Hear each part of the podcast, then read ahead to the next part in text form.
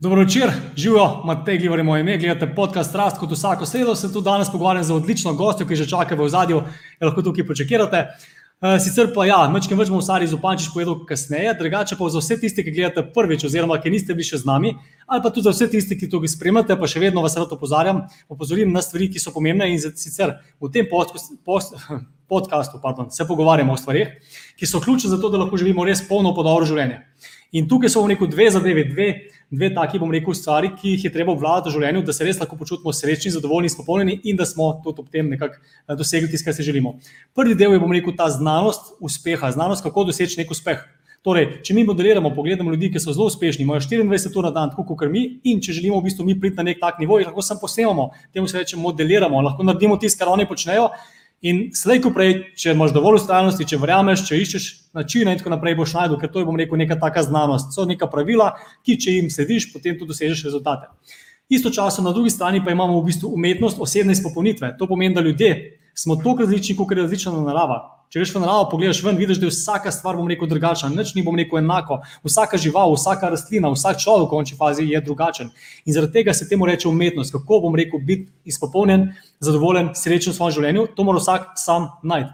Še vedno pa se lahko so tukaj neke zakonitosti, neka pravila, ki nam omogočajo, da smo lahko v zelo, zelo slabem stanju celo življenje in pa so neka pravila, ki nam omogočajo, da smo v zelo, zelo dobrem stanju, kjer živimo polno življenje, kar je tudi osnova. Ne glede na to, ali verjamete v posmrtno življenje ali ne, tukaj živimo enkrat in tukaj lahko vplivamo na to, kako se počutimo. Z mano je danes Sara Zopančič, Sara živa. Živijo. Evo, Sara je mlada podjetnica, ki je moj podcast spremljala že v bistvu pred časom. Eh, spoznala sem se enkrat na nekem sestanku pri uh, njeni, kako naj temu rečem, mentorci, verjetno tudi, ne? pa postodajalki. Uh, in tako naprej. Tako. In takrat mi je tako luč padla, pozitivna punca. Um, tudi potem sem spremljal preko Facebooka, Instagrama in tako naprej, da zelo veliko stvari počne, da je zelo sposobna, da ima, bom rekel, res. Uh, Ve, kaj bi v življenju rada, in zato sem tudi povabil na tale pogovor. Čisto kratko, nekaj besed o njej. Je pa, je pa tako, gledajte. Sara je ambiciozna mlada podjetnica z, z visoko integriteto delovanja in samostojnega prevzemanja odgovornosti za projekte. Samostojnega prevzemanja odgovornosti za projekte. Zapomnite si tole, kar sem rekel. Uh, je osredotočena na cilje in ima veliko željo eh, potem, da prispeva k okolici. Strastna je do raziskovanja mlade generacije in njihove izpopolnjenosti pri delu. Zdaj, tako, Sara, a sem tole prav povedal? A sem tole prav prebral, kar sem zdaj rekel? Ja. Sem. Ja, sem, super. Povej nam, recimo, meni pa tudi gledalcem, recimo, kdo si, s čem se ukvarjaš, oziroma po čem bi rada bila v bistvu poznana čez 10-20 let. Um, ja, jaz sem Sara, za tiste, ki me mogoče še ne poznate.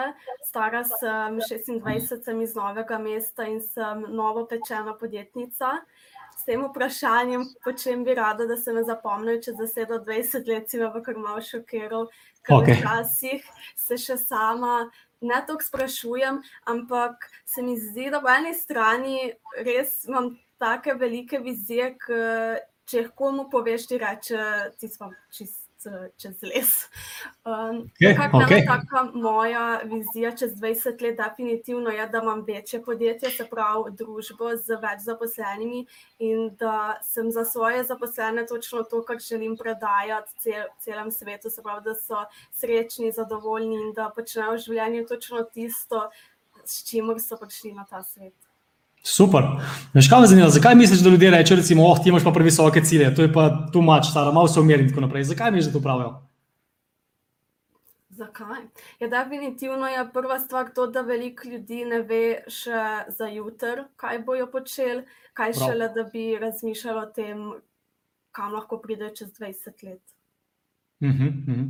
In ker ljudje pač načeloma ne razmišljamo o tem, kje bomo jutri, ali pa čez, drug, čez dva meseca, ali pa čez pet let, ali pa čez deset, ne, potem tudi mislijo, da tisti, ki pa razmišljajo, razmišljate o tem, ne, da ne bi smelo, oziroma se ne bo, ne, ker ponovadi je to nek obrambni mehanizem. Ne, ker, ker ponovadi, ki si otrok, recimo, sanjaš, da boš astronaut, da boš doktor, da boš ne vem kaj počel, ne, da boš eh, reševal. Vem, gorskega medveda, da se zmišljujem. Potem pa kar naenkrat v bistvu vidiš, da ljudje pravijo, ne, pa ta prav ne, pa uprav ne, ne, in potem se kar ustavimo. Ampak ok, o tem bo več, več govoril kasneje. Zdaj me pa tako zanima, rekel, ti si novo počena podjetnica. Eh, zdaj, s čim se ukvarjaš, kaj bom rekel, tvoj eh, poslovni eh, model, oziroma kaj, kakšen problem rešuješ? Jaz sem v bistvu se prijavila na en projekt z namenom, da sem zunanja menedžerka delovne sreče in sem v tistem času tudi končala Akademijo za menedžera delovne sreče. Se pravi, moj glavni namen je to, da ustvarjam srečne zaposlene. To se je potem razširilo v eno storitev, strategija zauzetih zaposlenih. Um, Ob temu so pa nastala še kot neka svetovanja, zdaj sem napisala še dnevnik jutranje rutine, ker bi res rada neko celoto, neko celoto predala vsakemu človeku, ki pač ima nek namen v življenju in želi to prenašati tudi v delovno okolje. Super, super. Skratka, res eh, delaš v bistvu tako, kot si prej eh, povedala v napovedniku, že, ne, da želiš v bistvu prispevati, pomagati ljudem in tako naprej. Ne. In ponovadi so najbolj uspešni podjetniki ravno ti, ne, ki želijo pomagati drugim, ki niso fokusirani samo na denar, ampak ki so, bom rekel, v neki višji higher purpose, ne, zelo višji namen. Mm. Zdaj, za vse, ki recimo to spremljate, dajte recimo zdaj, ki ste z nami, ki, vas, ki se vas malo nabiramo, dajte sodelovati v pogovoru ker ta pogovor je zastavljen tako, da dejansko boste dobili čim več vrednosti, res v tej uri, uri 15, no, od, od Sare, od mene. In tudi, bom rekel, vaš, vaš prispevek je lahko zelo dobrodošel. Skratka, vprašajte, kaj Saro, vprašajte, kaj mene, napišite kakšen komentar, napišite vaše mnenje, izkušnjo, karkoli, pa se lahko tudi o tem pogovorimo. Zdaj, Sara, kdo pa je zate, recimo, uspešna oseba, kdo je zate uspešen človek? Kaj bi rekla? Na splošno, kot ja. kakšna je ta oseba. Tako, kdo je uspešen zate, recimo, koga si predstavljaš kot, aha, ta je pa uspešen ali pa uspešna? Jaz tako gledam, da ni nujno uspešen nekdo, ki ima neke stvari, ki jih nekateri vidimo kot uspešne, se pravi, da ima ogromno denarja, da ima veliko hišo. Ampak uspešen je nekdo, ki ve, kaj želi doseči in gre proti temu. Se pravi, ne nujno, da to že ima, ni uspeh šele takrat, ko nekaj dosežeš, ampak ta pot, ko vsak dan narediš, mogoče eno čist malenkost proti temu, da postaneš oseba, kakršna si ti želiš biti. O, bravo, bravo. Skratka, res, da, da, ja, da, da postaneš tako oseba, kakršna si želiš biti. Um, kaj pa ti, si ti, recimo, se malo za uspešno, že danes, pri 26? Ja, definitivno. Okay, zakaj? Mislim, ne, da te zdaj več sprašujem nekaj stvari, ki so pač tako, okay, zakaj, ampak zato, da bo ljudje razumeli, kakšno pravilo imaš, ne? kaj za te pomeni uspeh ker bom tudi o tem potem kaj povedal. Ampak ja, zakaj se imaš za uspešno?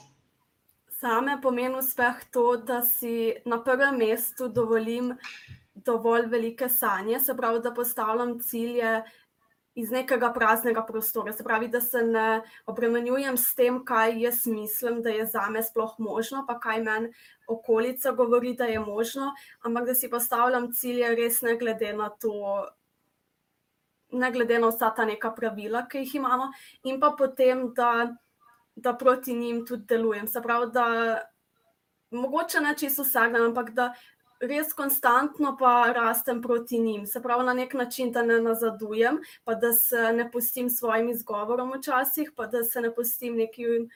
Izgovorom okolice, da se nekaj ne da narediti, ampak da vedno iščem nove načine, kako, kako priti do nečesa, do česar koli, kar si pač želim.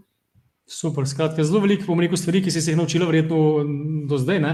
od ljudi, ki so te pač ali mentorirali, ki si jih opazila, in tako naprej. Ne? Skratka, te stvari, ki jih počneš, in zato, ker jih počneš, se počutiš zadovoljna, zato, ker veš, da je to prav, da si v pravi smeri. Ne?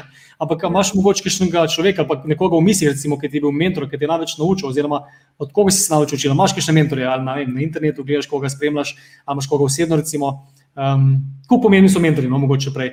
Se ti zdi pomembno, da imaš nekoga, ki ti pomaga? Ja, ali, ja, ja. definitivno.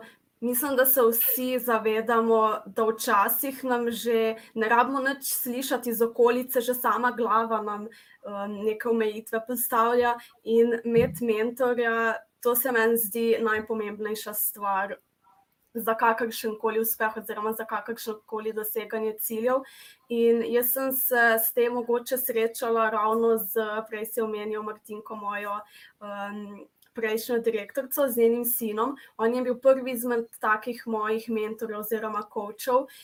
Potem, mhm. kasneje, tega, ki bi pa res zdaj najbolj izpostavila, to je pa Aleksandr Taskov, ki je bil pa moj mentor za navade in za podjetništvo. Se pravi, on je neka taka on je oseba, zaradi katere sem si jaz sploh upala iti na to pot, ker sem v bistvu čez noč spremenila način življenja, ker mislim, da je bil res zadnji dan, se pravi petek, to je bil verjetno 25. januar, ko sem ja. še sedela v pisarni in sem takrat šele podpisala sporazum, se pravi o tem, da grem iz službe. In v tem naslednji ponedeljek sem bila pa že na razvojnem centru v inkubatorju in to je res čez noč bila ena taka ful velika sprememba, ki se pa mogoče še zdaj navajam, ker je res čist, čist drugačen um, način življenja. Aha, kako pa ti pomaga, recimo, momentum? Na kakšen način? Z nasveti, z, a se pogovarjate večkrat na teden, to enkrat na mesec, ali kako imate, kakšen je sistem?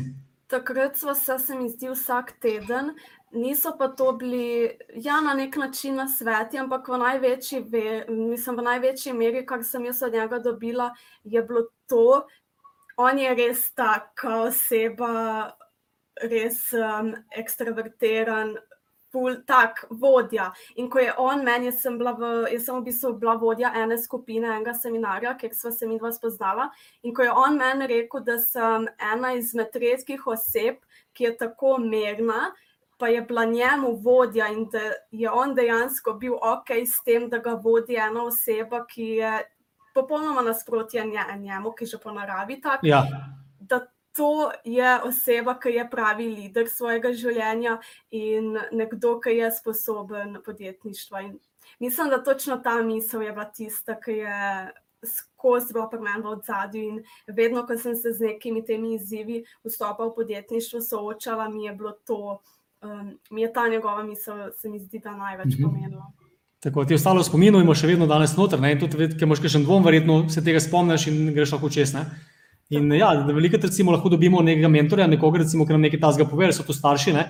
Veliko pa dobimo lahko tudi nekaj negativnega ne? in se isto naredi. Ne? Si damo v reko v glavi uh, ta stavek in ga potem ponavljamo. Takrat, ki ni treba, ne, če je negativen. Če je pozitiven, potem je potreba. In tisto, kar jaz hočem tukaj povedati, tudi tistim, ki gledate, ne, da te stavke ne, si lahko tudi sami govorite in, in tudi sami verjamete. Ne, in imate v bistvu kontrolo nad tem, da tudi če nimate recimo, tega momenta ali pa tega mentora ali pa nekoga, ki vam je rekel, nekaj, da ste nekaj sposobni ali pa da verjamete v vas, lahko to naredite sami zase in si to ponavljate. In večkrat, ko boste nekaj rekli, večkrat ponovili, z več energije, ki boste to naredili, skratka, s fiziologijo, bolj boste temu verjeli in to vam lahko koristi. In če mi ne verjamete, to veliko izmed vas ali pa nas je delal, ne, ali pa recimo dela eh, na negativen način. Ne. Slišite nekaj slabega in potem, a jaz nisem dovolj sposobna, jaz nisem dovolj, ne vem, kdo bo pa mene poslušal, kdo bo pa recimo to. To so recimo stvari, ki ste se jih vi prepričali z takim eh, načinom razmišljanja. Vse o tem bomo več rekli kasneje, ampak Sara, povej mi, koliko so pa pomembni cilji, ki jih recimo imaš, ko se postaviš v veliko vlogo podjetnika ali pa novo pečenega podjetnika, podjetnice, si vodja sam sebe prvo, ne? najprej, vedno, in potem koliko so pomembni cilji, recimo, da nekaj lahko dosežeš. To je najpomembnejša stvar. Ker tudi, če imaš ti neko željo, ki še nisi čist pretvoril v neke res cilje z določenim planom, na nek način nekaj delaš, pa ti ne veš točno, kaj delaš, malo vse skupaj zmedeno.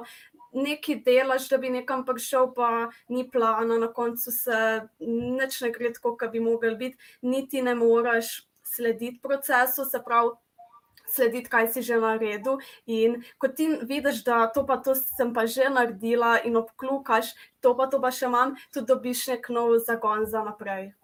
Okay, okay. Skratka, se pravi, če si postaviš nek cilj, pa če si daš nekaj, neke, kaj to so, uh, ali nejce, ki jih moš narediti na njeni bazi, ne? in če pokukaš, ja, hočeš povedati na ta način. Kako je pa se tvoje, recimo, nekomu, kako si postavil cilje? Ne? Pa ne samo recimo, za dnevne cilje, ampak tudi mesečne, mogoče tudi vem, petletne, ali kako koli. Um, kako bi, kako bi recimo svetoval nekomu, da se sooča s tem, na kakšen način si postavil cilje, da je to učinkovito? Ja, definitivno, verjetno vsi gledalci poznajo ali pa um, so že slišali za metodo SMART. To se mi zdi tako res najbolj osnovna, na katero prevečkrat pozabljamo. Se pravi, da si res postavljamo cilje, ki so realni, da ni to nekaj, kar mhm. sploh ni izvedljivo, da jih časovno opredelimo. To je res ful pomembno. Če mi rečemo, da bomo nekaj dosegli, pa si nadamo časovnega roka bo to čisto zadaj v naši glavi, nikoli pa ne bomo dejansko šli v akcijo, si naredili plan, kako do tega prideti. Um, se pravi, to, no? pa da so res tudi, uh, tako bi rekla, ja, časovno opredeljeni, to se mi zdi najpomembnejša stvar. Mm -hmm.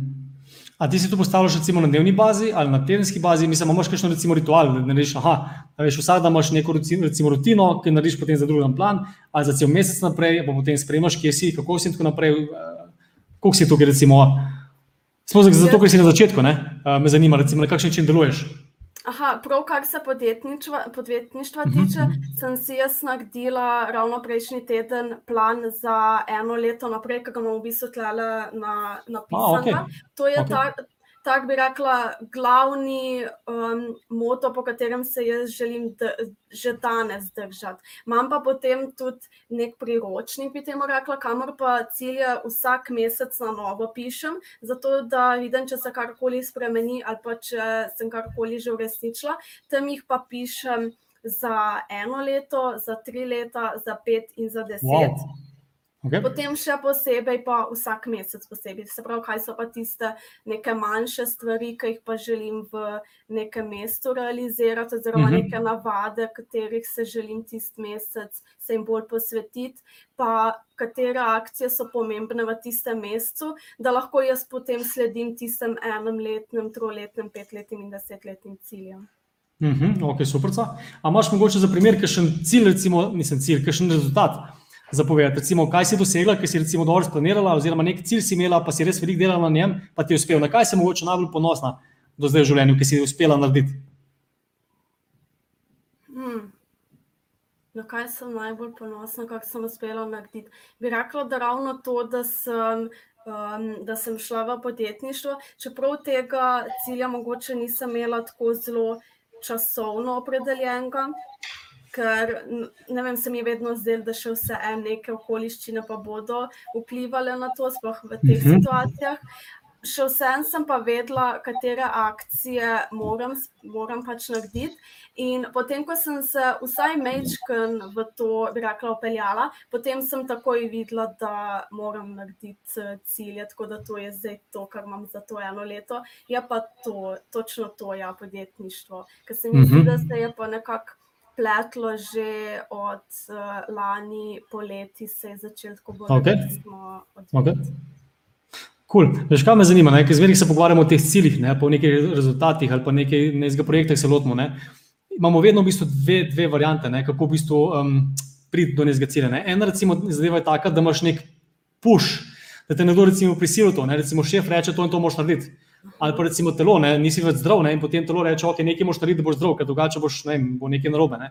Ali veš, vedno, ali, ali nekdo recimo, ali moš imeti nek rok, ne, do takrat in takrat mora biti nekaj narejeno, recimo vem, diploma, karkoli. To bo rekel nek puš, ne. Po drugi strani imaš pa nek pul, ne, ki ga pa ponovadi imamo recimo podjetniki ali pa recimo ljudje, ki pač imamo neke večje cilje, ne. Imaš pa nek pul, ne. A si tudi pri sebi daj začutila, recimo, um, ta pul, oziroma um, koliko je to pomenilo vse ti zino, pri teh ciljih tudi, ne. Ker cilj napisati je enostavno, ne, mislim, če se lotiš. Ampak moraš vedeti, ne, tudi, uh, ali te to vleče, ali je to nekaj, kar pač moraš narediti, zato ker misliš, da moraš, ali pa ker ne, okolica. Ja, jaz bi rekla, da jaz veliko bolj delujem in veliko krajše vidim, ko je pul, ker puš, ravno diplomsko si omenil, to je bil za me puš. In dokler je bil to za me puš, mi ni pomagal noben plan, noben cilj, nobena struktura akcij, mhm, ker sem vas mhm. skozi v glavi, da je to nekaj. Ampak ne da bi kdorkoli meni govoril, da to moraš, vse to si konec koncev že sami delamo. Ne? Ja. Kot si rekel, že sami si nekaj delamo, kako to moramo, mislimo, da moramo. In dokler mi mislimo, da nekaj moramo, se mi zdi, da to konec koncev niti ni noben recept za uspeh. To je bila moja poanta, ja, ki sem hotel reči. Ne? Ker vedno, ko si recimo nekaj prisiljen narediti, se v končni fazi ljudje največ naredijo. Jaz mislim, da velika večina ljudi, ne? tudi sam se med njimi, mi grede, največ naredim takrat, ker nekaj moram. Ne? Pa že treba nekaj dojutraj narediti, ja tudi spat ne bom šel, sem da bom naredil. Ne? Ampak težava je ne? v planiranju. Ne? Težava je že v bistvu v tem, kako sem planiral to, skratka, da sem, nisem tega naredil prej. Zakaj nisem naredil, je pač druga tema. O tem bi se lahko mogoče samo en podcast naredil, samo za to temo. Ne? Ampak ja, če ti recimo nekaj delaš samo zato, ker moraš, ne? in tudi večina ljudi tako živi, potem živiš v nekem življenju, ki je stresno, več čas, ker to je stres. Ne? Mm. E, ki ni bom rekel polno, ker ne moreš biti sproščen, ker ne moreš biti ti, ti ne? ker ko si pod stresom, nisi ta prav ti. Ne? E, in to je, bom rekel, taka pomembna lekcija, ki se svesno uči, no, pa vidim, da tudi pri tebi je isto druge. Ne? Če imaš pa nek pul, ne? nekaj dela, da delaš nekaj, kar te vleče, kar te veseli, ne? potem je to pa čist nek drug level. Ampak, da pa do tega prideš, ne?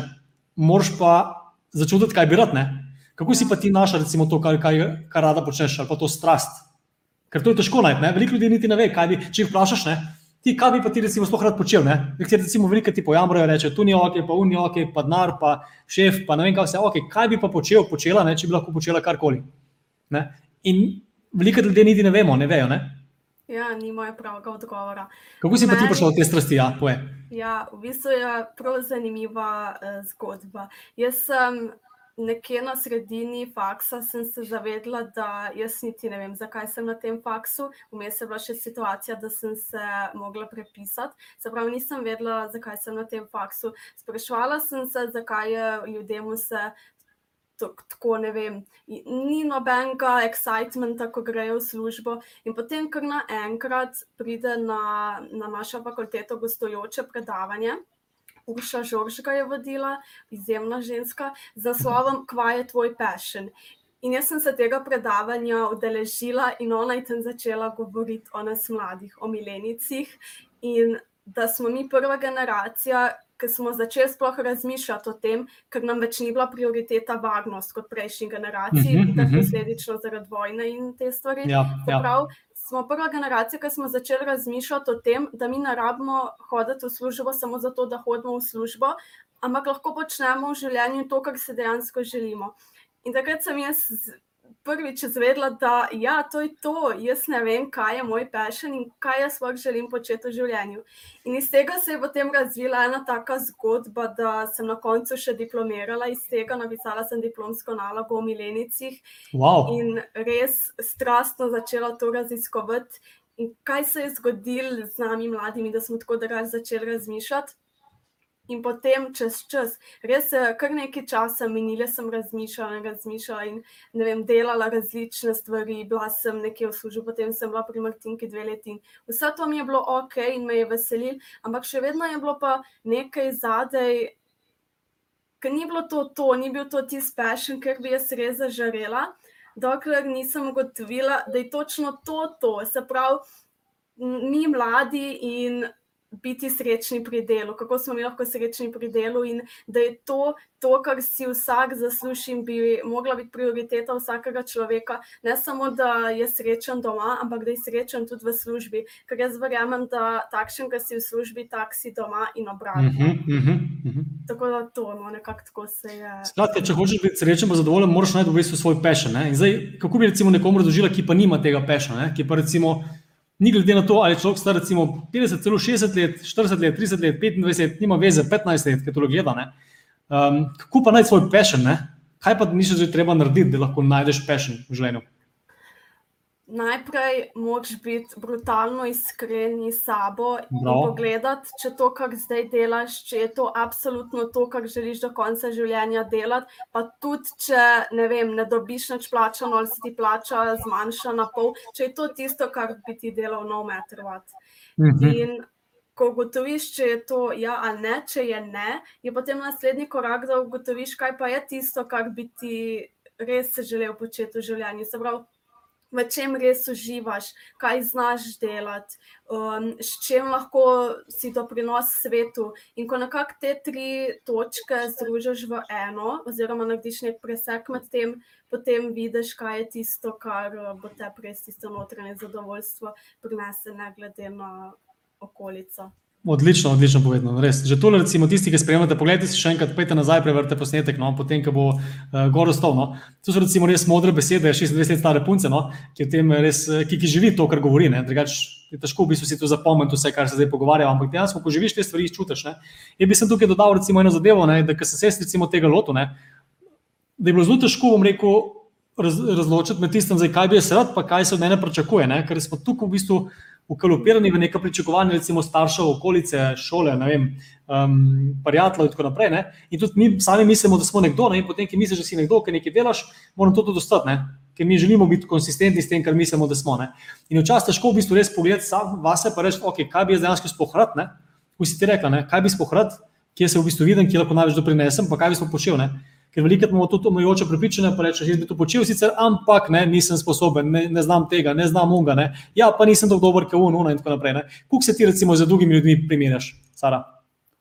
Hmm, bi rekla, da sem se nehala, ker enostavno ni mogoče, ni mo mislim, kar se, mislim, moje mnenje je, da ni mogoče biti uspešen in biti zadovoljen s tem, kar si in srečen, če se primerjaš z drugimi. Ker če bi se jaz primerjala z drugimi, jaz sem prepričana, da ne bi šla na svojo poslovno pot, ker bi čisto videla, ostale, ki so uspešni v tem, da jaz ne vem, tega ne bom nikoli dosegla. Ampak jaz se primerjam. Mogoče sama s sabo, kako rastem iz meseca v mesec, druge pa spremljam, in pravzaprav spremljam samo tiste, ki imajo na določenih področjih to, kar bi si jaz dosegla, želela, pa ne Mhm. s tem namenom, da se primerjam, koliko sem slabša od njih, ampak s tem namenom, da vidim, kaj oni počnejo, pa kaj lahko še jaz naredim, da pridem na tak nivo, kjer so oni. Mhm. Super, super povedano. Ja. Skratka, imaš nekaj v bistvu ljudi, ki jih modeliraš. Ne? To pomeni, da v bistvu posnemaš nekaj stvari, zato da dosežeš nekaj podobnega, kar imajo oni. Ne? Zdaj ne boš seveda imela nikoli istih rezultatov, definitivno pa je to nek pokazatelj, kot bi si prej rekla. Ne? V šoli ne? nisi niti razmišljala, kaj bi sploh rada počela. Dokler ni nekdo rekel, opa, dejansko. Zdaj pa lahko razmišljaš o tem, kaj bi rad počel, ne? in imaš tudi možnost nekaj narediti. In ko imaš neko idejo, tako, neko majhno idejo, ne? lahko spremeni tvoje življenje. In zdaj, tega se bo spomnila tudi čez 30-40 let, ne?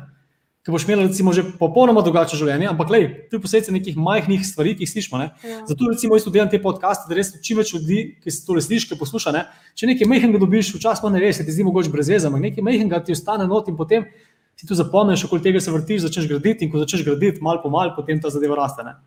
Um, še ena zadeva me zanima, Sara, sem se prej pogovarjala, prej sem šla v živo, cona obdobja. Tukaj recimo, kaj ti je recimo najtežje početi ali pa narediti, ali pa kaj je bilo tebi najtežje narediti, ali je bil to prvi korak, ali pa recimo, ki se je začelo dogajati, pa je bilo treba iti, vem, z ljudmi se obadati, pa mogoče še zavrnitve, ne vem, kaj ti je bilo najtežje ali pa zdaj, kaj ti je najtežje. Meni najtežje, če se spomnim spet uh, svojega faksa. Mi smo imeli tako, da smo pri vsakem predmetu uh, mogli narediti seminarsko nalogo in jo pred tablo zagovarjati. To je bilo meni totalno, ne vem, rajš bi karkoli naredila, če šla zagovarjati seminarsko nalogo. Potem okay. pa se je kar naenkrat zgodilo, da sem jaz ugotovila. Da če bom pa jaz mečkam po mečkam, ne vem, naredila en story na Instagramu, pa se posnela, pa potem ne vem, posnela en eh, video, karkoli, da bom pa jaz postopoma prišla do tega, da mi je recimo zdaj pa čist samo umevno, da lahko vodim delavnico, kjer dejansko odvodim jaz skupaj uh, z Ano, skupaj jih večinoma vodimo. In mi je to čisto enostavno. Sploh več ne pomislim, da je to nekaj, kar mogoče ne bi mogla narediti, ali pa da bi me bilo strah. Ja, To ampak je- si mogla pa narediti prvi korak. Ne? Mislim, Mhm. zdaj tu, kako Ja. si premagala ta, te strahove ne? ali pa te bom rekel občutke iz preteklosti, kaj si naredila, kaj, kaj si počela, da si, šla, da si prišla na ta Ja, nivo. Spet ena zanimiva zgodba in točno tako, kot si rekel, nekaj sem mogla slišati. Jaz sem takrat na Instagramu, ko še nisem točno vedela, kaj si želim početi, ampak vedela sem pa, da se želim nekam premakniti. Um, naletela na eno punco, ki je, im, ki je na nek način živela točno tako, kot sem si je želela. Uh, bila je podjetnica, ima so, izdaja svoje plane vsako leto in je na Instagramu deli svoje nasvete, izkušnje in tako Mhm, prispeva mhm. ljudem. In sem se jaz, jaz sem njej pisala in smo se dejansko dobile v. Laškem. Že to je bil za me en tak preboj, da sem se šla z znano osebo kar tako dobiti. In Super. kar je ona meni takrat rekla, se mi je res vtisnilo v spomin. Rekla je, da enostavno ne moreš uspeti, če se ne izpostavljaš. Ker te ljudje ne vidijo, ne vejo, kaj sploh delaš, ne vejo, kaj jim ti sploh ponujaš, kaj kakšen doprinos jim ti. Torej, če se ne izpostaviš, pa naj bo to ali na socialnih omrežjih ali v živo, ali je to samo tako, da se izpostaviš, da do nekoga pristopiš, pa ga ogovoriš, pa nekaj vprašaš, kakorkoli že to je. Če se ne izpostaviš, ne prideš do tega, kar si želiš. Bravo. Mislim, jaz sem dal tukaj eno metaforo, ne, ki sem si jo zapomnil že pred leti od enega mojega dobrega prijatelja. Je rekel, če kupiš Ferrari, pa ga imaš v garaži, zakaj si ga kupil? Ne? Mm. In zdaj spet, ne, veš, če, če hočeš nekaj prodati, če si podjetnik, ne, pa če se bojiš izpostavljati, je to malo, mislim, se to še vedno gre v nekaterih podjetjih in tako naprej, ampak to je tudi malo skregano z logiko. Ne. Ker ti, če hočeš, recimo, tako kot ti, ne, pomagati ljudem, da čim več vrednosti, a veš, pomagati ljudem, da so boljši zaradi tega, kar ti počneš, pa se potem ne, ne želiš pokazati, izpostavljati, in potem jih nekako skoraj skoraj grdo od tebe, ne, zato ker jim nočeš dati tistega, kar oni želijo. Ker veliko ljudi pa ne ve zate. Ne. In dokler te ne spoznajo, dokler ne vejo, da obstajaš, kdo si in tako naprej, je to težko. Ne. Je pa verjamem, da je težko za marsikoga ne, se izpostaviti ali pa nekaj narediti, ker smo naučeni od malega, da kao ni se fajn izpostavljati, ni se fajn recimo metati naprej, ti rečejo, kaj še rečejo. Um, da ti bo traj tih, pa raj sosed, pa raj, a veš, zakaj se nekaj tam vrmečeš. Skratka, to so neke, bom rekel, omejujoče prepričanja, ne, ki škodujejo, ne, ker taki ljudje ponovadi ne slabega ne mislim, ampak ko to govoriš, tudi sam sem to recimo govoril pred časom, jaz se tudi nisem hotel izpostavljati nikakor. Tako da ne govorim zdaj, da sem jaz pa veliko tako boljši.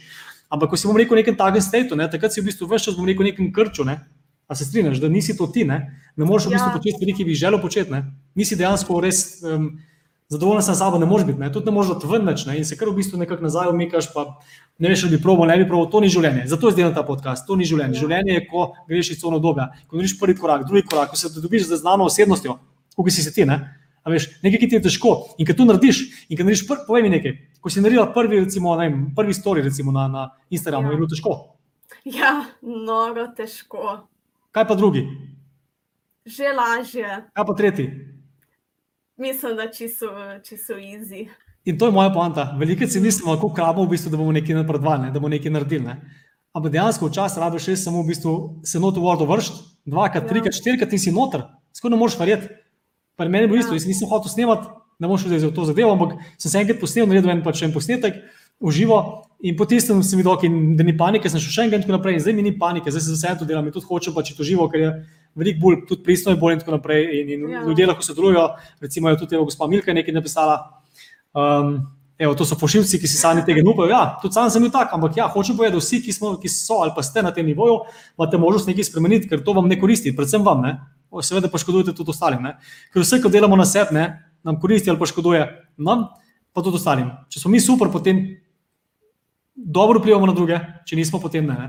Evo, še gospa Sonja naj nekaj vprašala, pa gremo mogoče na tole. Pravi, super debata. Povedala ste, kdo je uspešen po vajno. Kako pa bi opredelila inteligenco? Kdo je inteligenten? Kaj pravi Sara? To pa mislim, da ni za me vprašanje, ker se nisem nikoli tako poglabljala v to, kdo je inteligenten. Ampak če te tako vprašam, vse kako da so na kavi, kaj misliš, kdo je inteligenten človek? Jaz bi rekla, da mogoče tisti, ki. Okay. Ej, sem, sem, sem sekundo, Sara. Sem sekundo. Sorry. Amazing. Come. Ciao. Oh. Hi. That's my future wife. Hi! This is Facebook? Yeah. Really? Oh, you're on Facebook. Nice on to see Facebook. you. Hi. Good. Just So, don't do disrupt. I leave. good. You're a good disruption. though. See you, say hi to you. Ciao. See you. Everyone who's watching, he's amazing. As well in the relationship. Thank you. That was really nice. Can I say something nice about you? Okay, you can. She's gorgeous. She's the best, and uh, yeah, I'm so happy to find her. Sorry, Sarah, I had to do this, but uh, I think this is also inspirational for some people. It would be for me a few days, few, few years ago. Few days, days ago. Few days ago. Many people left since then? Okay, Oh, not many. I go. Mm. Mm, I love you. See you. Ciao. Have fun. Bye bye. Okay. To je bilo zdaj malo za uh, prekinitev. So čas reklame, to je neka reklama za nekaj drugega. Oprosti, sem te prekinil. Povej, kaj si hotel povedati o inteligenciji.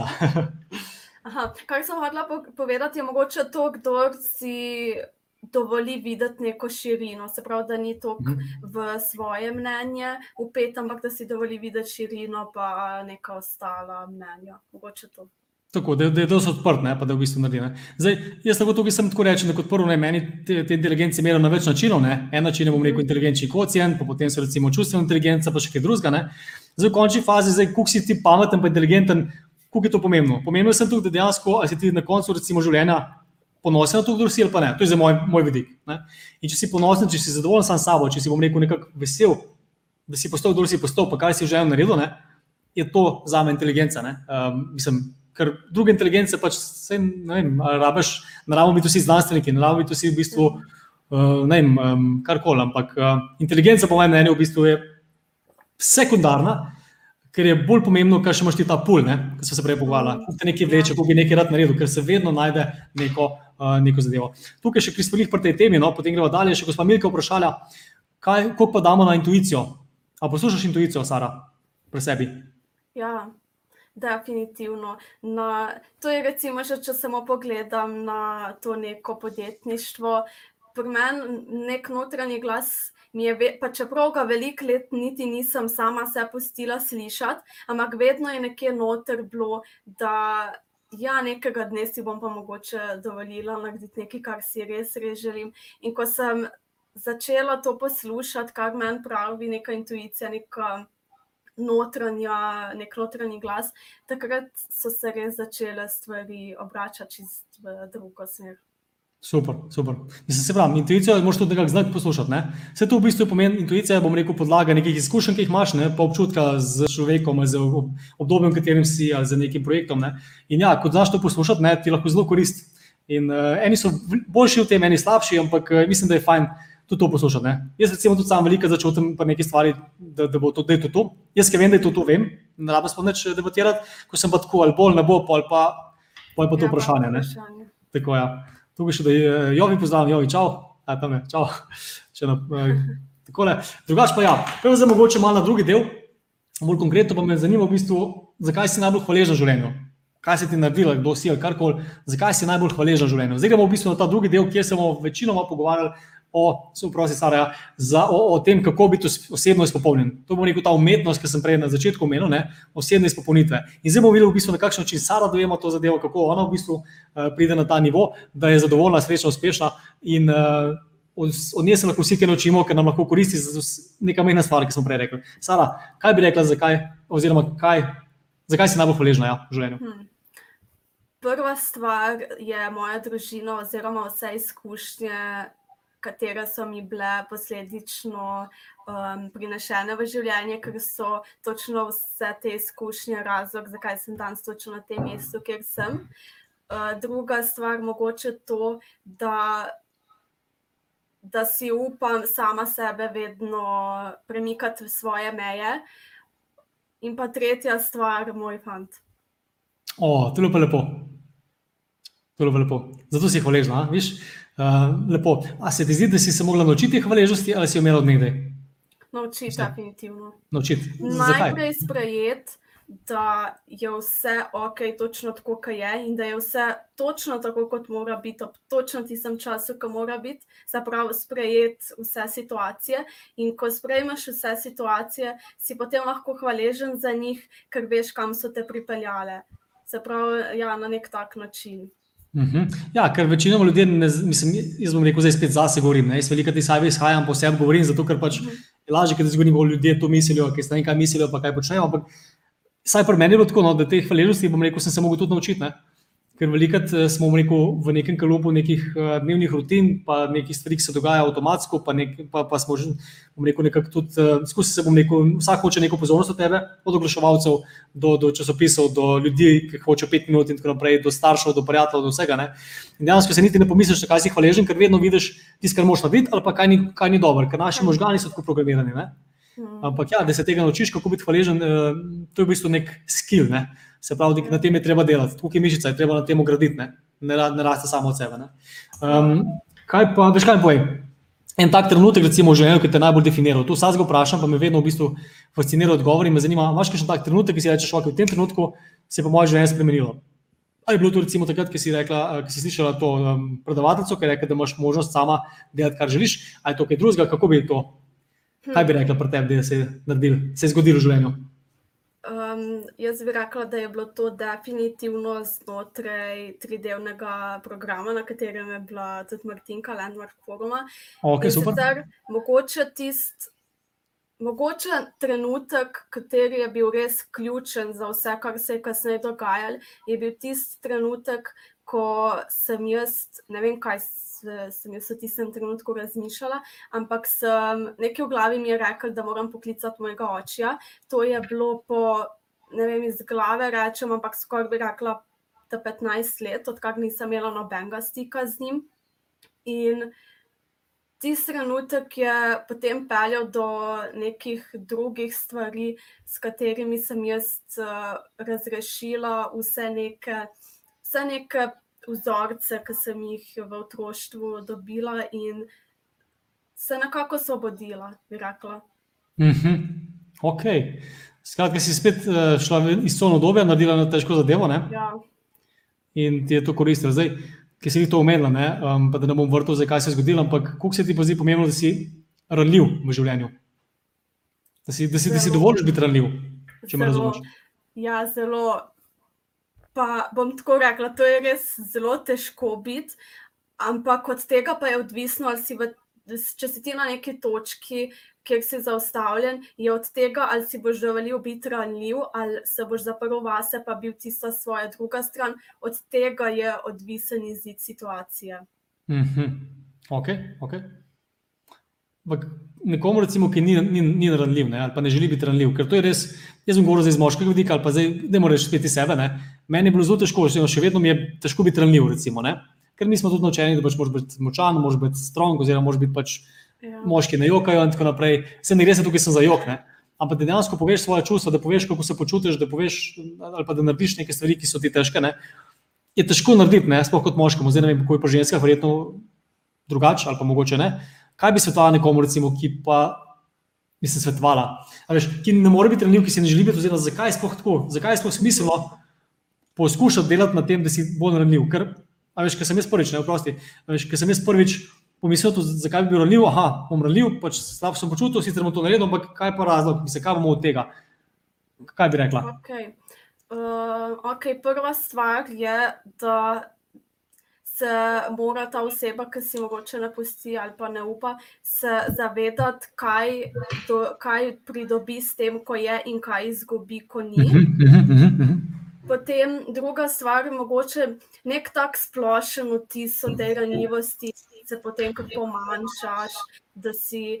Da kot oseba, da se nekako tako stisneš, da potem daš v neki sebe, kar je res slabega, pa tako res negativen prizvok ima. Ja, drugi strani pa ne.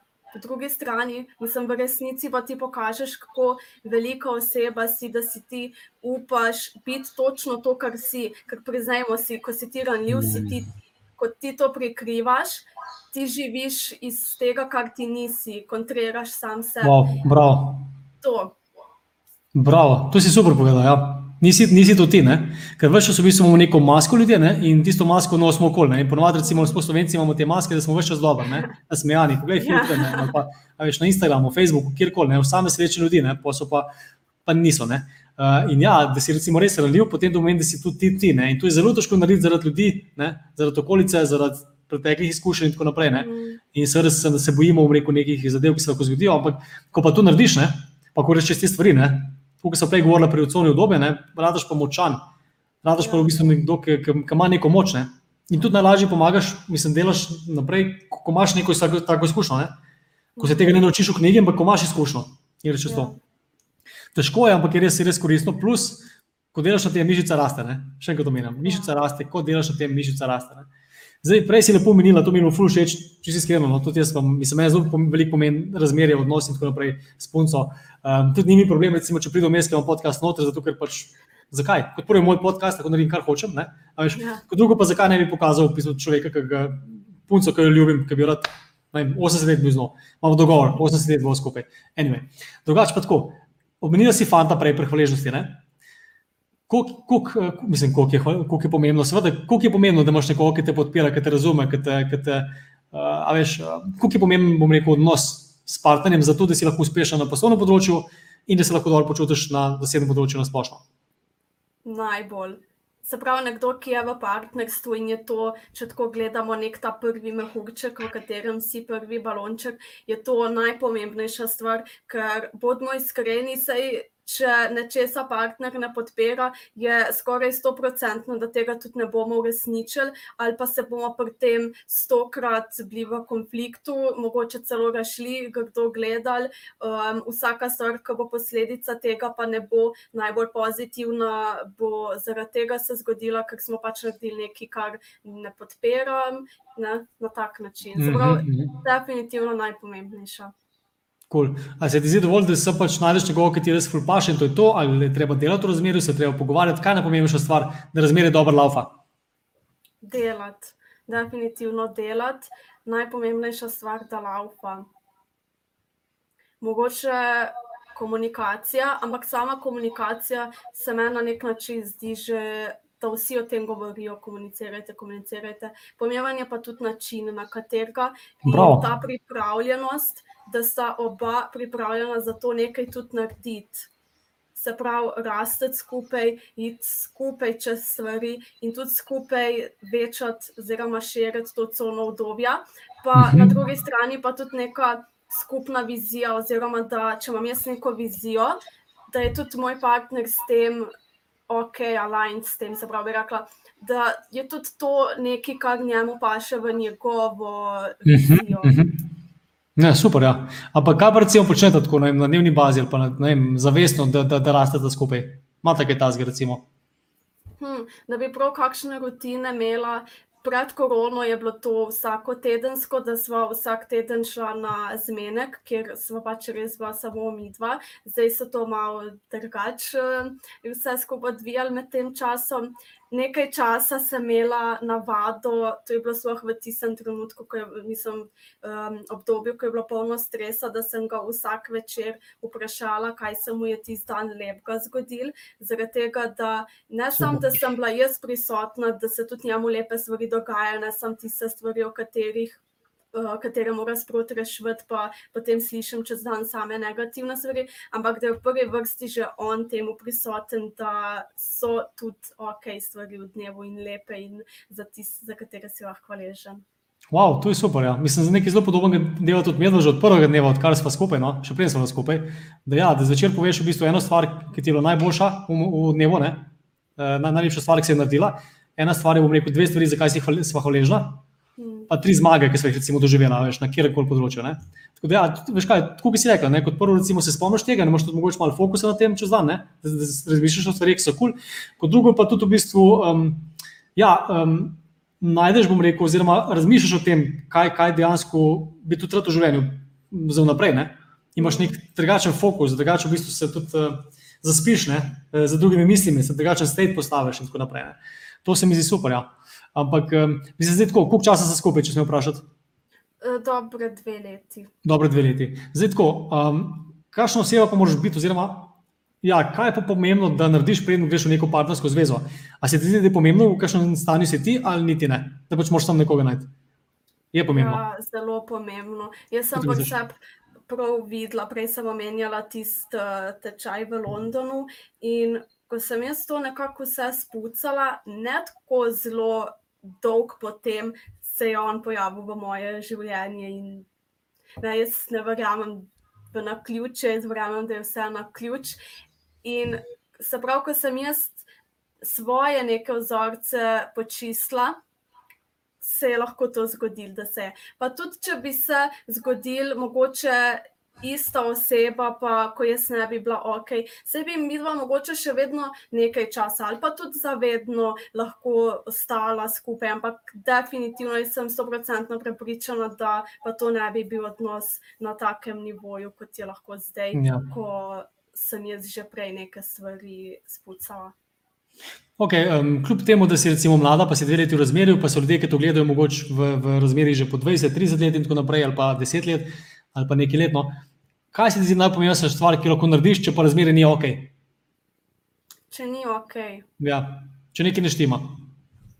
Če nekaj ne štima, vsak se je za nekoga odločil, oziroma ga zavestno izbral z namenom. Se pravi, v vsakem trenutku imam jaz možnost svojega fanta izbrati točno takšnega, kot je, in ga sprejeti točno takšnega, kot je, in točno takšnega, kot ni. Tudi tiste stvari, ki jih ni, pa bi v kakšnem trenutku kdo hotel, da so. Ali pa imam tudi drugo možnost, da vstanem, spakiram in grem. Vsak ima te dve možnosti v življenju. Se pravi, če rečemo temu, ustrajaš v razmerju, ki, ni, ki si ga ne izbereš, je to tvoj problem. Če pa si v razmerju, ki ti je ok, ampak imaš pa včasih nekaj stvari, ki pa mogoče niso tako ok, je pa na tebi, ali boš to sprejel, si rekel, ok, tako je, kot je in jaz to sprejmem. In včasih je dost že samo to, recimo, vsak ima neke navade oziroma neke stvari, ja. ki mu grejo na živce v partnerju, pri nas ženskah je to, se grem staviti, da največkrat to, ki neki po tleh vržejo, ki štumpi po tleh recimo ležijo. In včasih si moraš pa tudi vsak teden reči, jaz pa sprejmem te šumpe in jih bom pobrala in nisem ok s tem, ker pač on takšen je. Kaj naj zdaj, bom šla iskat drugega samo zato, da ne bo šump po tleh metal, pa bo milijon drugih stvari z njim na robe. Ne, jaz sem ok s tem, jaz to sprejmem. Ja, ja, super. Se pravi, ena stvar je ta, recimo, velika, ne, to, da sprejmeš drugega. Ne? Ker vsi smo, rekel, imamo drugačno ozadje, drugačen model sveta, ne? drugačne izkušnje, drugačno življenje, rekel, ne? drugačno vzgojo. In seveda, ko se dva najdeta skupaj, kljub temu, da je lahko super lepo in tako naprej, nekaj časa, ne? še vedno pride potem do nekih takih uh, zadev, ki pa niso, bom rekel, enotne in tukaj se treba početi, ja, kot prvo sprejeti, kot drugo pa ja, na čem je treba delati, tako kot si tudi del sprejemanja je to, ne? da delaš na sebe, da spremeniš, bom rekel, percepcijo ne? ali pa spremeniš procedur, ne, ne znam po slovensko povedati, da spremeniš, uh, kako ti dojemaš to zadevo, ja, ali pa da spremeniš v bistvu, kaj narediš. Ne? Uh, in ja, tukaj hočem vedno, vsem to umetno, da pač vedno je večina stvari na nas. Ne? Tukaj, verjetno na začetku, recimo, te prve mesece ne bi recimo, ne, te tukaj iz tega vrgli, če bi videl na tleh neke štufe. Ne? Čez ene pol leta, čez en let, potem je pa to že težava, čez 20 let pa sploh ne. In zdaj tako, ne, če delaš nekaj, kar si začel delati na začetku, ne, ker vsi znamo biti super v razmerju. Če počnemo stvari, ki smo jih počeli na začetku, ponovadi pa v bistvu zelo hitro zapademo v neko drugo rutino, ni to pač tako pomembno, ampak ja, to je tako, kot je mišica. Če ne delaš na odnosu, potem tudi ta odnos pada. Ne? In potem si lahko skupaj z nekom, sem zato, da si. Ne? In, in, in ja. um, ni to življenje. Ne, to pa ni življenje. Uh, ok, da ne bo šlo preveč o, o tole temo, ki me dejansko najbolj zanima, če se mi iskreno, oziroma zelo zanima, odnosi, pa, pa bomo rekel psihologija. Pa tako, ampak ja, kaj pa prijatelji, oziroma ljudje okoli tebe, ki jih imaš in tako naprej, glede na to, kako se počutiš v življenju, kdo si, kako so pomembni ljudje okoli tebe in ali jih skrbno zbiraš ali niti ne. Um, ljudje okoli mene, oziroma prijatelji, se pri meni. Se je zelo, no, najprej je bilo kar nekaj časa konstantno isti prijatelji, ista družba, potem je pa za hitro se začel menjati in to bi rekla, da nekako tako hitro, kot sem jaz rasla. Se pravi, so se spremenjale tudi osebe, s katerimi sem preživljala največ časa. Uh -huh, okay. In kako so se spremenile, na kakšen način, oziroma zakaj? Jaz vidim situacijo tako, da ko nekdo miselno napreduje na nek nivo, odpadejo ljudje, ki s tem niso na isti valovni dolžini. Se pravi, če um, recimo čist karikiram, imam jaz eno prijateljico, s katero se dobimo vsak teden na kavi in ona eno uro jamra, kako je služba kar neki, pa kako je to kar neki. Pa rečem, ok, ampak kaj pa lahko ti zdaj narediš? Pa on reče, mahne se je, ja, ok, pa je potem drug teden isto. Jaz pa več nisem tam, jaz sem pa že, jaz sem pa videla, kaj lahko naredim in to tudi naredila. Enostavno se več Pa ne to, da bi zdaj prekinil stike, enostavno pride spontano do tega, da se s takimi ljudmi več ne družiš tako pogosto. Po drugi mhm. strani pa pridejo, prikapljajo v tvoje življenje neke osebe, ki te inspirirajo, ki so te, ker si ti ali pa še više, pa se lahko od njih še kaj naučiš. In nekako tako se mi zdi, da se mhm. družba menja pri, pri vseh. No. No, ampak tudi, zato, da si na tem nivoju, recimo, ne, potem moraš delati res na sebi, na osebni rasti. Ne, moraš vedeti, v bistvu, kaj bi rad, kaj želiš. Ne. Ker veliko ljudi, recimo, ki hodijo po, po, po, ne, po gostinah in tako naprej, Mislim, ena stvar ki ljudje vsi rabimo, to je bolj connection, to je povezava. Ne? Recimo, zdaj se je pogovarjal, imamo nek connection in smo ga dubla in se ga dobiva, zato ker se večino stvari strinjava, poznava se na nekem podobnem nivoju. In zdaj, ko govoriš pa recimo ljudeh, ki pa veš, ima težave, pa se o tem radi pogovarjajo, jaz verjamem, da jih je veliko, ne, ne slabega, če nekomu paše prav. Ampak ja, ne, ko, ko ti pojamraš, pa drug pojamra, ne, ko oba pojamrata, potem dobiš connection. Ne? In zato ljudje hodijo in potem še tretji pride in potem še bolj jamrajo in tisti, ki bolj jamrajo, je skoraj najbolj največji car. Zdaj, ja. ne vem, če res ne, ampak tako sem jaz doživel, rekel, večkrat v življenju, tudi zato sem recimo nehal tudi na pijačke hoditi, pa tako naprej. Ne. Pa tudi ja, ljudje avtomatsko ne da odpadajo zdaj na grd način, ne se sliši grdo, ne, ampak avtomatsko ja, pač ni niti več energije, niti ni več te connection, ne, ker pač ti rabiš drugačen connection, ona raba pa tudi nekaj drugega. Ne. In ja. Uh, ja, tu se mi zdi zelo pomembno. Uh, zdaj, um, tukaj sem te hotel nekaj drugega vprašati, pa sem zdaj pozabil. Se mi zdi zelo zanimivo. Um, kaj sem te hotel vprašati, Sara? A veš, mogoče? Ne vem ne vem, zakaj ljudje odpadejo. Mislim, ja, koga pa recimo. Ampak tu zavestno recimo, zbiraš nekaj ljudi, ki pa si želiš z njimi več vem, družiti, pogovarjati, pa potem nekako zavestno tudi njih pokličeš ali pa se z njimi dobiš in tako naprej. A se ti zdi to pomembno? No, to me zanima, veš, da tudi si lahko ti pač kul cool, ali Hmm, zavestno, da bi, ja, mogoče recimo takrat, ko sem pisala tisti punci, pa se z njo dobila, takrat sem to zavestno naredila, ker sem vedela, da ima nekaj, kar si je želim. Ampak potem, ko pa nekog že pridem v stik z nekom, ki mi energetsko paše, pa ki vidim, da se lahko od njega kaj naučim, potem pa se mi zdi, da pa gre nekako spontano potem naprej, ali pa pač tudi ne gre, sej mogoče se pa vsa ta vse te povezave pa tudi ne izpeljejo tako, kot bi si. Normalno, normalno. Ja.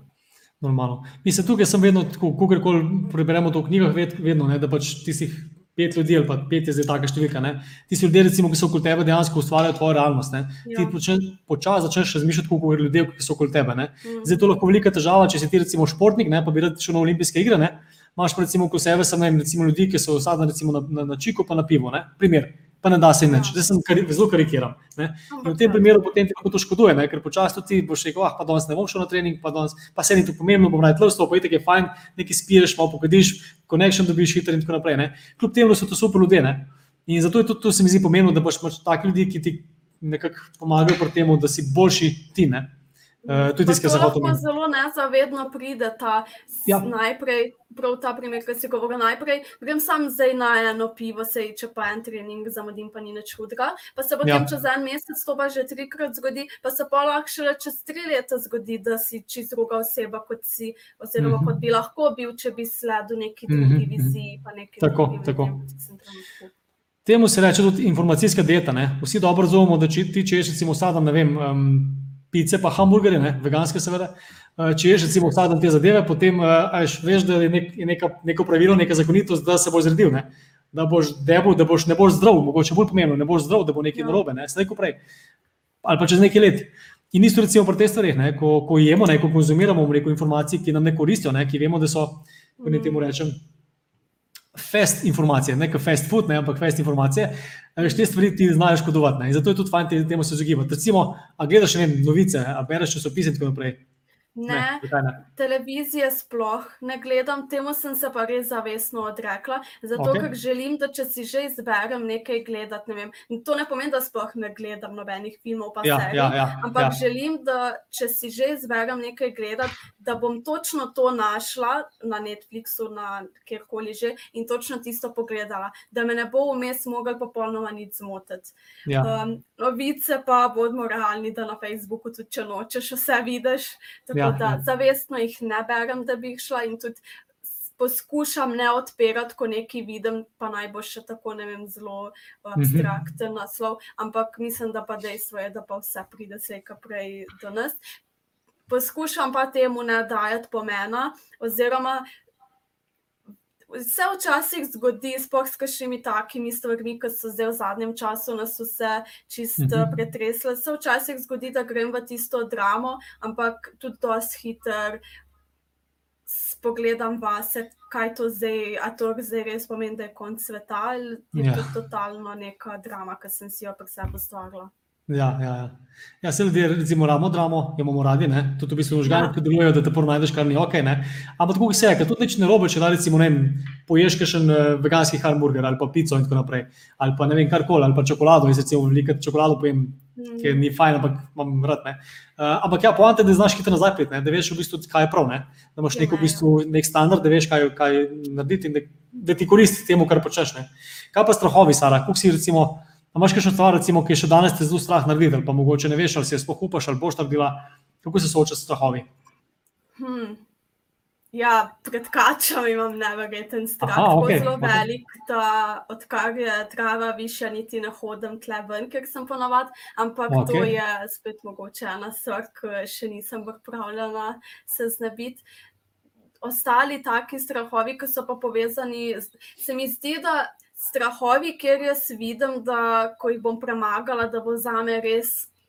Ful velik preboj se zgodil, ali pa da bom lahko dosegla, kar si želim. Takih meni ti ni toliko strah, oziroma prej vidim, kaj bo dobrega ven prišlo, mhm, kot mhm. česar me je strah. Um, tisti, kjer pa ne vidim neke dobre, oziroma tako zelo dobre stvari, da bi si to upala narediti, to pa mogoče je pa teže. No? Si me mhm. vprašal, kaj si me še vprašal? Kako nas pošlje se soočati s strahovi?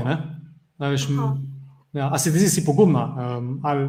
ja, ja, kar se tiče teh stvari, ki so mi pomembne, sem, sem res, ja, jaz bi rekla, da ja. Ok, si rekel, sem res. Zakaj bi se res pogumna? Ker čutim, da si tako povedal, da sem res. Zakaj? Hm. Kako mogoče, veš? Mogoče, ok, prva stvar je definitivno to, da sem se spravila v podjetništvo v času, ki je za gospodarstvo, tako pravijo, zelo neugodno. Um, že to je ena stvar. Druga stvar je, da ko se v to vržeš, nikoli ne veš, kaj te bo počakalo na drugem ja. koncu. Že to je ena taka stvar, no, zakaj se mi zdi, da res sem.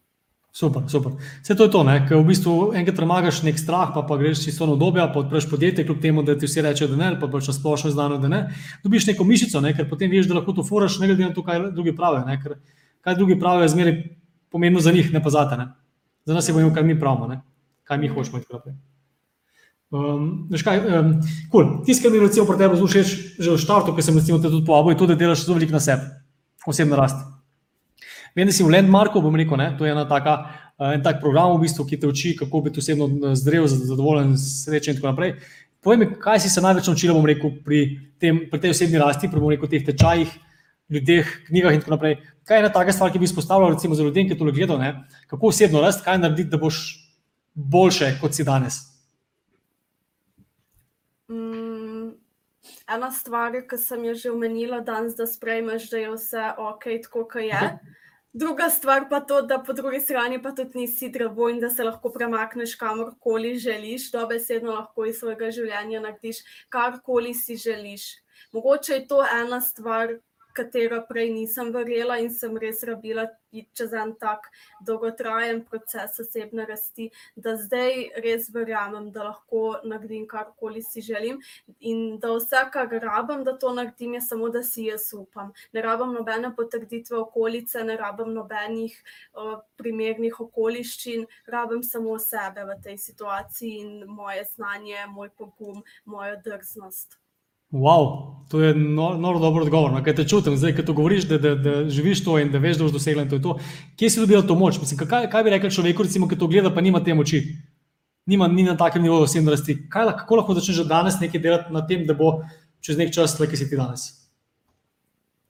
Že danes si lahko rečeš, ok, tukaj sem, tukaj pa želim biti čez to pa tok časa, kaj lahko zdaj naredim, ali mi bo kakšna knjiga za začetek naredila razliko, ali moram iti na kakšen tečaj, kam lahko še grem, kaj še lahko naredim, kaj lahko preberem, kaj lahko pogledam, kdo v moji okolici že ima to, kar si želim, pa ga mhm. lahko. Pogledam, kaj on dela, vprašam, kaj on dela, zato se z njim dobim. To je začetek. Super. Kaj pa, recimo, kaj pa konkretno naj človek recimo, naredi uh, že v tem momentu, no? um, če nima tega poguma, se tega sploh lotiti? Ali pa če ne verjame, da lahko to naredi? Če ne verjame, da lahko to naredi. Jaz sem slišala pred že kar nekaj časa eno misel, ki pa meni vedno pomaga, ko si nekaj ne upam narediti. V življenju ima vsak dve možnosti lahko se dobesedno vrže v morje med morske pse, pa splava ven, lahko pa doma sedi na kavču, pa joka, pa bo še celo življenje točno tam, kaj je. Tako da vsak se v tem trenutku si vsak sam izbere, ali mu je ok in želi biti tam, kaj je, ali bo. Se dobesedno vrgu v morje, pa karkoli že to za nekoga pomeni. Mogoče bo to za nekoga pomenilo, da bo ne vem, šel danes ven teč, ker si že eno leto ali pa že deset let govori, da želi se več gibati, pa slušati. Ali bo to to, da dan za večer ne bo šel na pico, ampak si bo nekaj drugega prvoščil. Za nekoga bo mogoče to tudi to, da bo pustil službo. Za nekoga, ne vem, kar, karkoli je tisto, kar vam bo. Prinesel to, kar si želite v življenju, in tudi če je to čisti najmanjši korak, je za začetek, ker začne se z majhnimi. Super si povedal. Ja, res vsaka sprememba, vsaka stvar se začne z mehkimi koraki, ker mi, bom rekel, nekako podcenjujemo um, mehke korake. Ne? Ampak vsaka velika stvar se naredi s prvim korakom, oziroma mehkim korakom. Ne? In ja, to, kar Sara zdaj govori, ne, je osnovna, ključna zadeva, ki jo morate se zavedati. Recimo tisti, ki se malo spoznate na finance. Recimo pa na obrestni obrestni račun ali pa matematičar ali kdorkoli. No. Veste, da recimo, ko govorimo o osebnem obrestnem obrestnem računu, gre tako, da gre zelo v bistvu počasno na začetku. Ne ampak zadeva neverjetno zraste kasneje. In isto v življenju, ker delamo neke mehke spremembe na dnevni bazi. Ne, ne rabi to neki velikega, ker včasih, ko nimamo mišice, ne, recimo, ki nam koristi pri tem, da bomo rekel, danes bomo pa skočil vodo, pa bomo naredili to in to, ne, bomo odprli firmo, ne, rabiš do takrat, do tam priti in to lahko narediš v bistvu že danes in jutri in pojutrišnjem, vsak dan nekaj malga k temu cilju. In uh, kot je prej Sara rekla, ne, ko prvič objaviš na, na Instagramu neko sliko ali pa neko, nek, nek story, ne, to je full strah. Ne. Kaj bo drugi misel, kako bo to izpadlo, in tako naprej. Ja, veš, nisem zdaj nekdo drug, ki ga prej spremljaš. Ne.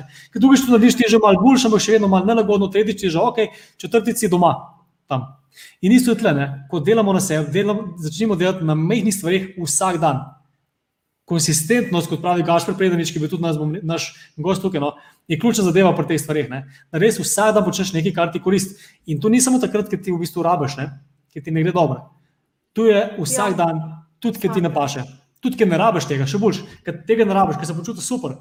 Deli na stvari, ki so pomembne, da boš prišel nekam daleč. In to je tudi povezano s tistem, ki sem prej govoril, da čas delamo stvari zadnji cajt, zadnji moment, zato ker delamo stvari, ki so v bistvu, ki niso pomembne, ne, pa so nujne nujno narediti jutri, niso pa pomembne za naše življenje. In zdaj, čisto kratko, ne, tisti, ki hočete biti zelo uspešni, kar se tiče doseganja ciljev, delajte treba pomembne stvari, tiste, ki so pomembne vam za vaše življenje, pa čeprav niso nujne danes. Ne. In ko se od tega naučiš, bom rekel, to početi vsak dan, ne delaš stvari, ki so pomembne, pa niso nujne, ne, ampak so pomembne za te. Vsak dan potem živiš v stresu, narediš ogromno in ne pride do unih dogodkov, ko rečeš na koncu, a sem še en dan, imam pa jutri, jutri deadline, kako koli. Narediš to dva tedna prej. Zdaj, nisem dal tu podlage temu, kar sem zdaj rekel, ampak jaz mislim, da je to pomembno, kar sem zdaj povedal, no? tudi za, za ljudi, da slišijo. Um, ok, škam me zanima. Glede na to, da delaš polno osebni rasti, da si delal tudi prek tega landmarka, verjetno še knjige bereš, tudi z ljudmi se družiš, ki so na nekem nivoju. Kako se ti zdi pomembna uporaba besed, ki jih uporabljamo na dnevni bazi? Zelo, zelo, ker že ena beseda ti lahko spremeni, ti se je ne zavedaš, ampak ko jo skozi skozi uporabljaš, kasneje se ti nekako vrne. Že najbolj, ne vem, tako tipično je, ne morem, tega pa ne morem, ja, ne morem. Ko se ti začneš zavedati in v bistvu zavestno to besedo, besedno zvezo črtati ven, se ti že cel svet spremeni. Ko ti samo ugotoviš, da to, da nekaj ne moreš, pravzaprav ne obstaja, ampak to -hmm. samo mi uporabljamo in začnemo potem verjeti. -hmm, ja, res je, res je. Ker besede, bom rekel, imajo tudi večjo veljavo, že zaradi tega, ker beseda ima tudi nek pomen. Ne? Vsak ima drugo, drug pomen za neko besedo, ne? ampak ta pomen ima v bistvu tudi nekaj čustva zadaj. Ne? In to lahko, ne vem, če dam primer, recimo, ne? če me vprašaš, recimo, ok, Matej, ti poznaš veliko ljudi, ne? da mi zrihte en zmek. Rečemo, ok, ti bo zrihte na punco, ona je, um, ne vem, dajte se zmeniti v petek ob, ob sedmih, bo tam in ne ti se bojim, da ona je res ok, Ne? Če rečem, ok, ne bo rekel, kul, cool, ok, punca, ampak ne pove ti veliko, tudi nima nekaj zdaj tako, ni jih prepričal, verjetno. Ne?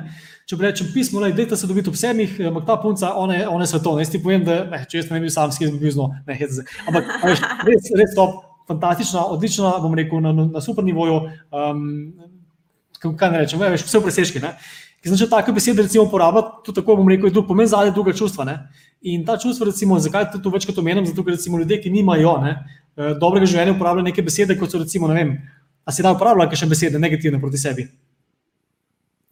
Ja, ta ne morem, se mi zdi, da ne morem, ok. Da kar vsi uporabljamo.